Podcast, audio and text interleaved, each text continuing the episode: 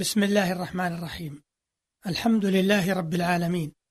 والصلاة والسلام على أشرف الأنبياء والمرسلين نبينا محمد وعلى آله وصحبه أجمعين.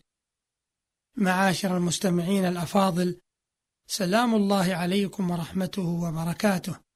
أما بعد فقد كان الحديث في الحلقة الماضية يدور حول الاشتقاق من حيث تعريفه وأمثلة عليه وطريقة معرفة الاشتقاق وأقوال العلماء في وقوع الاشتقاق في اللغة. والحديث في هذه الحلقة إكمال لما مضى. وسيدور حول مسائل في الاشتقاق وهي التغييرات بين الأصل المشتق والفرع منه والمؤلفات في الاشتقاق وأقسام الاشتقاق. أما التغييرات بين الأصل المشتق منه والفرع المشتق فقد قال السيوطي رحمه الله ثم التغييرات بين الأصل المشتق منه والفرع المشتق خمسة عشر. الأول زيادة حركة كعلم وعلم. الثاني زيادة مادة كطالب وطلب. الثالث زيادتهما كضارب وضرب. الرابع نقصان حركة. كالفرس من الفرس. الخامس نقصان مادة. كثبت وثبات. السادس نقصانهما. كنزى ونزوان. السابع نقصان حركة وزيادة مادة. كغضب وغضب. الثامن نقصان مادة وزيادة حركة. كحرم وحرمان.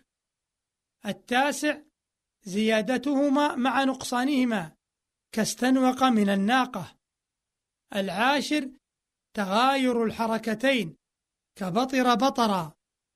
الحادي عشر نقصان حركة وزيادة أخرى وحرف كضرب من الضرب. الثاني عشر من التغييرات بين الأصل المشتق منه والفرع المشتق نقصان مادة وزيادة أخرى. كراضع من الرضاعة. الثالث عشر نقص مادة بزيادة أخرى وحركة كخاف من الخوف لأن الفاء ساكنة في خوف لعدم التركيب ويعني بالفاء فاء الكلمة وهي الواو. الرابع عشر نقصان حركة وحرف وزيادة حركة فقط كعد من الوعد. فيه نقصان الواو وحركتها وزيادة كسرة. الخامس عشر والأخير من التغييرات بين الأصل المشتق منه والفرع المشتق نقصان حركة وحرف وزيادة حرف. كفاخر من الفخار نقصت ألف وزادت ألف وفتحة. انتهى كلام السيوطي رحمه الله. أما المؤلفات في الاشتقاق فهناك مؤلفات أفردت بالاشتقاق. قال السيوطي رحمه الله أفرد الاشتقاق بالتأليف جماعة من المتقدمين منهم الأصمعي وقطرب وأبو الحسن الأخفش وأبو نصر الباهلي والمفضل بن سلمة والمبرد وابن دريد والزجاج وابن السراج والرماني والنحاس وابن خالويه. انتهى كلامه.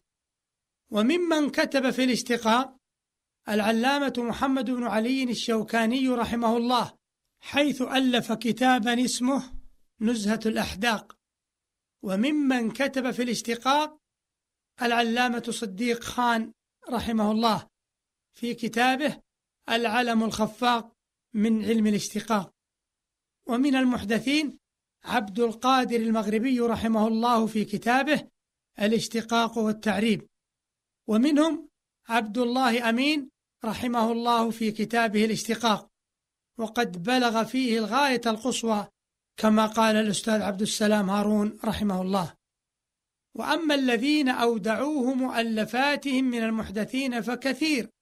منهم الدكتور إبراهيم أنيس في كتابه من أسرار اللغة. والدكتور علي بن عبد الواحد وافي في كتابه فقه اللغة. والدكتور إميل يعقوب في كتابه فقه اللغة العربية وخصائصها وغيرهم كثير. أما أقسام الاشتقاق معاشر المستمعين فإن الاشتقاق يقسم باعتبارات فمما قسم به الاشتقاق قسمان. أولهما الاشتقاق الصرفي وهو ما يسميه ابن جني بالصغير أو الأصغر وقد مضى الحديث عنه. الثاني الاشتقاق الأكبر وأول من قال به ابن جني حيث قال في كتابه الخصائص باب في الاشتقاق الأكبر. هذا موضع لم يسميه أحد من أصحابنا غير أن أبا علي يعني به شيخه أبا علي الفارسي غير أن أبا علي رحمه الله كان يستعين به ويخلد إليه. مع إعواز الاشتقاق الأصغر لكنه مع هذا لم يسمه وإنما كان يعتاده عند الضرورة ويتروح إليه ويتعلل به وإنما هذا التلقيب لنا نحن وستراه فتعلم أنه لقب مستحسن وذلك أن الاشتقاق عندي على ضربين كبير وصغير فالصغير ما في أيدي الناس وكتبهم كأن تأخذ أصلا من الأصول فتتقراه فتجمع بين معانيه وإن اختلفت صيغه ومبانيه. وذلك كتركيب سلم فإنك تأخذ منه معنى السلامة في تصرفه نحو سلم ويسلم وسالم وسلمان وسلمى والسلامة والسليم. ثم عرف الكبير وسماه الأكبر حيث قال وأما الاشتقاق الأكبر فهو أن تأخذ أصلا من الأصول الثلاثية فتعقد عليه وعلى تقاليبه الستة معنى واحدا وتجتمع عليه التراكيب الستة وما يتصرف من كل واحد منها عليه.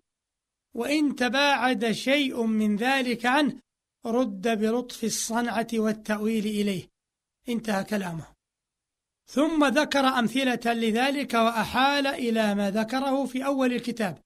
حيث كان يذكر الكلمة وتقليباتها ثم يجعل بينهما معنى عاما مشتركا تدور حوله هذه المادة وسائر تقليباتها. وما ذكره من أمثلة ما يلي. أولا كلم وتقليباتها كمل مكل ملك لكم لمك وتفيد كلها معنى القوة والشدة. ثانيا قول. وتقليباتها قلو وقل قلو وقل ولق لقوى لوق. وتفيد كلها معنى الإسراع والخفة. ثالثا كلمة جبر. وتقليباتها جرب بجر برج رجب ربج. وتفيد كلها معنى القوة والشدة. رابعة كلمة قسو وتقليباتها قوس ووقس ووسق وسوق وسقوا وتفيد كلها معنى القوة والاجتماع.